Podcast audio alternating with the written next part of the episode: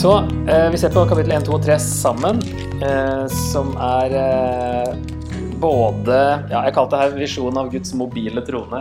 Det er både Guds herlighet som kommer, og Esekiel sitt kall, på en måte, da, i de tre kapitlene her. Men det, det henger jo sammen i den samme hendelsen.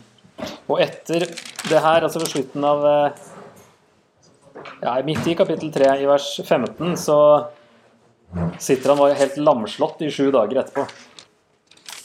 Så da avsluttes det på en måte i 3.15 der. Og da er han såpass eh, eh, slått ut. Og det ser vi Daniel òg er eh, sengeliggende i tre dager og sånt etter eh, disse visjonene de har. Så det er litt eh, voldsomme greier å se sånne ting som ikke kan beskrives, egentlig. Han prøver jo, og det ser vi òg i Johannes' åpenbaring og i Daniel, at de prøver å beskrive så godt de kan det, som, det de ser. Og så er det liksom å sammenligne det med et eller annet det var som eh, ligna på det, og, og sånne ting. Eh, og så er det ikke Det er jo en ting her som blir veldig vanskelig å se for seg, fordi han klarer ikke å, å beskrive det helt. For det er jo helt eh, vilt, det han ser. Så første kapittelet, altså at Guds herlighet kommer Han sier jo det i vers 28. Eh, det var dette Herrens herlighet lignet, slik så den ut. Så han skjønner at dette er det er Gud sjøl, det er Guds herlighet som kommer. Og så ser vi at i vers 4 her, den kommer fra nord. Samme vei som folket sjøl da hadde kommet.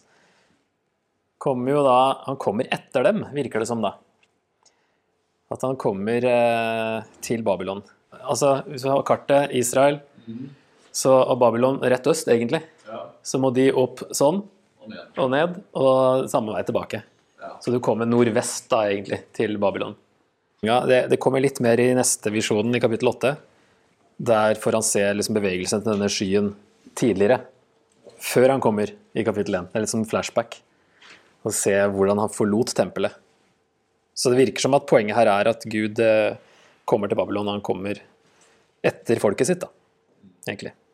Og her er det jo eh, store eh, virkemidler. En stormvind det er noen steder at det uh, brukes det om Guds uh, nærvær. I Jobbs bok er det jo det når Gud endelig taler, så er det ut av en stormvind, men det er jo ikke sikkert det er skrevet før dette her, da. Men uh, Jeremia snakka om det i hvert fall i kapittel 23 og 30, om Guds storm som brygger opp. Det var litt sånn domsspråk. Stor sky, det er jo den skya fra andre Mosebok Eller egentlig, ja, fra andre Mosebok generelt, men i kapittel 19 på Sinai-fjellet så er det også en, eh, en, sky, og det er lyn og torden og, og sånne ting. Um, så den skyen er jo også Guds herlighet-skyen, da. Så det er eh, Skyspråk er ikke uvanlig når det er snakk om uh, Guds herlighet og Guds nærvær. Salme 18 også står det om at Gud eh, rir på skyene, eller et eller annet sånt noe. Eh, og ild og lysglans her òg, ja, som da nok er henta fra andre Mosebok 19. At det skal i hvert fall kommunisere da, at her kommer Gud, sånn som vi leser om i andre Mosebok. Men han sier i hvert fall dette er skyen av Guds herlighet. Det skjønner han. Konkluderer til slutt. Det store spørsmålet er jo hva gjør Gud i Babylon? Er ikke han i tempelet i Jerusalem? Hvorfor kommer han hit plutselig? Hæ? Hva er det Gud skal nå? Så sånn eh, starter det her. Og det starter jo ganske sånn eh, sprøtt. Han sliter fælt med å beskrive det som det han ser her. Så eh, skal vi se litt på detaljene da, i det han ser. Altså, Han ser noen eh, levende skapninger, som i kapittel 10 Da skjønner han at eh, disse er kjeruber. Han bruker ikke det ordet før kapittel 9 eller 10. Eh, og det er jo disse statuene på lokket på paktkisten, hvis du husker det. To engler som da kalles kjeruber hvor Guds herlighet var liksom mellom de to kjerubene, så virker det som at Esekiel her får se dem liksom live. fordi det er bare her og i Første Mosebok 3.24, når de har blitt kasta ut av Edens hage, så står det at kjerubene vokta hagen med et sverd som svingte fram og tilbake. Og Det er vel det eneste stedet, tror jeg. Jeg tok et ordsøk på kjerub og kjeruber, og stort sett er det snakk om da paktkisten eller tempelet eller telthelligdommen, altså når de skal bygge disse gjenstandene og, og teltet og helligdommene, at det er snakk om kjeruber. Så det er liksom bare her og i Første tre 3 at noen får se kjeruber. Ellers er det liksom bare bilder av kjeruber. Og så er det jo løve, ørn, okse og menneske at de har fire ansikter. Eh, og de tre dyrene da, er kjent fra, eller var kjent fra religiøs kunst, altså i andre religioner òg, og hadde med liksom gudene å gjøre. da. Det, var, det, er, altså, det er jo kongen av de forskjellige kategoriene dyr, på en måte. Løva, løva og ørnen, Også oksen kan jo være husdyrenes konge, da, altså, man ser for seg. Og så hadde de også litt sånn Symboliserte jo at løva symboliserte styrke, eh, ørnen rask hurtighet, kanskje, og oksen da en fruktbarhet. Gullkalven sant, det er jo, har med det å gjøre. Eh, og mennesket som da på en måte kronen, skaperverkets krone. da.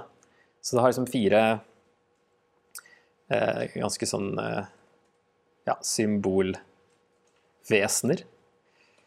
Eh, så det vil nok Esekiel uh, gi mening for han at her kommer det en gud. Og hvilken gud er det, det skjønner han etter hvert. Men, uh, men at det, det, var liksom vanlig de de, Akkurat de tre dyrene finner, finner vi i andre religioner. Og så står det at Han prøver å beskrive dette her, da. Og det, han sier at vingene berørte hverandre. Betyr det at alle At de sto i en firkant med ryggen mot hverandre, da? Siden alle vingene berører, altså de to øverste vingene berører hverandre. Likevel så går de rett fram uten å snu seg, samtidig som de farer fram og tilbake, står det.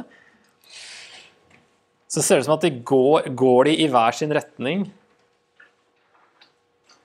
uten at de beveger seg vekk fra hverandre. Altså, skjønner han det her, Etter hvert da, som vi snakker om hjulene, hvordan kan de bevege seg på denne måten? Og Så kikker han eh, kanskje ned, og så ser han noen hjul eh, som har hjul inni seg. Hjul inni hjul. Det virker som at det er et eh, bilde da, på at eh, denne tronen den kan bevege seg i alle retninger. På samme måte som de levende skapningene kan gjøre det. De kunne bevege seg til alle fire sider står det om hjulene, men de snudde seg ikke når de gikk. Akkurat det samme står det jo i vers 9. De snudde seg ikke når de gikk. Så hjulene beveger seg på en måte på samme måte som disse kjerubene. Og de kunne også se i alle retninger, da. Um, og så står det altså at hjulene hadde øyne, og fullt av øyne rundt om på alle de fire hjulringene. Tenker dere det kan symbolisere? Altså, at hjulene, hjulene til Gud, de ser alt. Eh, allvitende, eller Kanskje, de, at, kanskje allestedsnærværenheten kanskje er at hjulene kan rulle overalt. Guds trone er mobil. Gud kan være overalt. Og så ser han alt også. Så kan vi ikke henge oss opp i hvorfor, de hjulene, hvorfor, det er, hvorfor det er hjulene som har øyne, og ikke noe annet i denne visjonen. Poenget er uh, ikke Det er ikke sånn vi på en måte kan uh, må ikke henge oss opp i sånne ting, egentlig. Prøve å se symbolikken og hva det ville kommunisere. Tronen da, den er over en hvelving, noe som ser ut som en hvelving, sier han i vers 22. Og det står det også om i andre Mosebok 24, når de går opp på fjellet, Aron og Moses og de 70 av Israels eldste, og, ja, og Nadab og Abihu. Og der står det i vers 10 at de fikk se Israels gud. Under føttene hans var det som et gulv av safir, klart som himmelen selv. Så det er noe av den hvelving, altså en sånn overflate, som man ser her. Noe lignende det gulvet fra andre Mosebok. Men denne, det gulvet, denne hvelvingen, holdes ikke oppe av kjerubene, for det står at når de stoppet i vers 24. Når de stanset, senket de vingene. Så da blir jo denne hvelvingen stående der oppe. Så det er ikke sånn at eh, de bærer den helt sånn som var kanskje vanlig i annen religion. da. Men at Gud svever over disse fire eh, vesenene. Ikke rart han eh, sliter med å forklare det. Og det å oppleve dette her er jo helt vilt. Men har sett, Det er et sånt kjent bilde. jeg vet ikke hva som har malt Det Det ser ut som et typisk sånn renessansebilde. der Gud kommer eh, liksom bar overkropp og langt hår og skjegg, og så har han fire sånne der, små sånne tjukke babyengler rundt seg. Det er liksom det kjerubene har blitt til. Det kommer liksom Gud, Det er ikke så veldig fryktinngytende bilde da han kommer med fire babyer, liksom. Men her er litt mer. Så det er På engelsk så er det ofte en uh, cherub. Det er liksom sånn liten sånn amor-person. Eller et eller annet. og så ser han en person, vers 26, over hvelvingen som var over hodet på dem, var det noe som så ut som safirstein og lignet en trone. Oppe på tronen satt det en som var lik et menneske av utseende. Og en som var lik et menneske Å eh, ja, nå gikk den litt for langt. Henger seg litt opp her. Det er jo egentlig nesten det samme som står i første Mosebok 1.26. Altså la oss skape mennesket i vårt bilde så de ligner oss, står det. Og der brukes det samme ordet på at her er det en som ligner et menneske. Så det er på en måte Gud som ligner på oss, i stedet for at vi skal ligne på Gud. I eh, det han ser her. Så noen ser jo treenigheten her, da. Med en, eh, en som ser ut som en mann på tronen, og så er ånden nevnt her også. At, eh, eller i hvert fall disse kirubenes ånd. Og så står det i vers 12 Dit ånden ledet dem, gikk de. Så noen ser eh, alle tre personene her, men det er vel ikke helt tydelig, kanskje. Så poenget med dette her, da, hva er poenget hvis vi skal dra det sammen? Det er jo da at Guds trone kan bevege seg hvor som helst. Og han kommer til Babylon. Han sitter ikke fast i tempelet. Han kommer etter folket sitt i stedet. Og at Gud ser alt, og han ser dem. Men han kommer med dom. Det er mye ild her, og det er jo ofte et symbol på dom og renselse, da. Så eh, det er ikke sånn koselig bilde, på en måte. Det er ganske skremmende, det han ser, da. Derfor blir han nå satt ut i sju dager etterpå. Men etter at han også har spist en rull og litt sånne ting. Men, eh, men eh, det er stormvind, og det er voldsomme skapninger. Og så det er liksom Her kommer Guds majestet, og han, han, kommer da med dom, som det blir tydelig utover da, i budskapet. At det er jo dom de første 24 kapitlene stort sett dreier seg om. Det, det, kan man nok si om, om det ikke er at han har tatt samme rute som dem, så er det i hvert fall at dommen kommer ofte fra nord, ja. Og Det dukker også opp igjen i kapittel 38 og 39, den krigen der med Gog. Han kommer også fra nord. Så det er uh, ulykken kommer fra nord, som Jeremia sa. Så det kan være det, at hvis ikke det er konkret reiseruta, så betyr det dom når noen kommer fra nord. Ok, Så fortsetter det med at han får kallet sitt her. da. Og Det starter jo i 2.1 med at Gud eh, kaller ham for menneske. Og han adresserer jo Esekiel alltid som menneske gjennom hele boka, og det er ganske mange ganger. Jeg tror det var 80 ganger eller noe sånt. eller rundt der. Eh, som jeg tenker understreker Guds storhet i forhold til menneskene, så Esekiel kanskje da skulle videreformidle en ydmykhet som skulle føre til omvendelse. Det er et eller annet poeng at Gud ikke kommer ned på det nivået. Han, han er kjempestor. Eh, mennesker er bare mennesker. Og at vi må, eller Esekiel òg er en av dem, og eh, identifisere seg med folket da, for å kanskje Ja, virker som det er en kontrast som skal fram der. Og så er det dette med ånden, som vi har nevnt. Så er det også for denne boka at det er en rolle her og nevnes 25 eh, ganger. I hvert fall ordet ånd nevnes 25 ganger. Og Så må man jo tolke litt. Er det ånd med stor Å eller liten Å? For det ser man jo ikke på Det er bare store bokstaver på hebraisk. Så um, da må man se litt kontekst, og av og til så konkluderer man forskjellig da, på det. Og oversetterne har jo tatt et valg når de har brukt liten Å eller stor Å. Eh, men det vi ser her i kapittel 2, vers 2 og 3, så står det da han talte til meg Han ligger jo flatt, ikke sant? står i eh, siste verset i kapittel 1. Jeg kastet meg ned med ansiktet mot jorden. Og så sier Gud, menneske, reis deg opp, så, skal, så skal jeg tale med deg.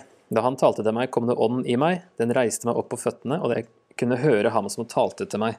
Han sa til meg, menneske, jeg sender deg til israelittene.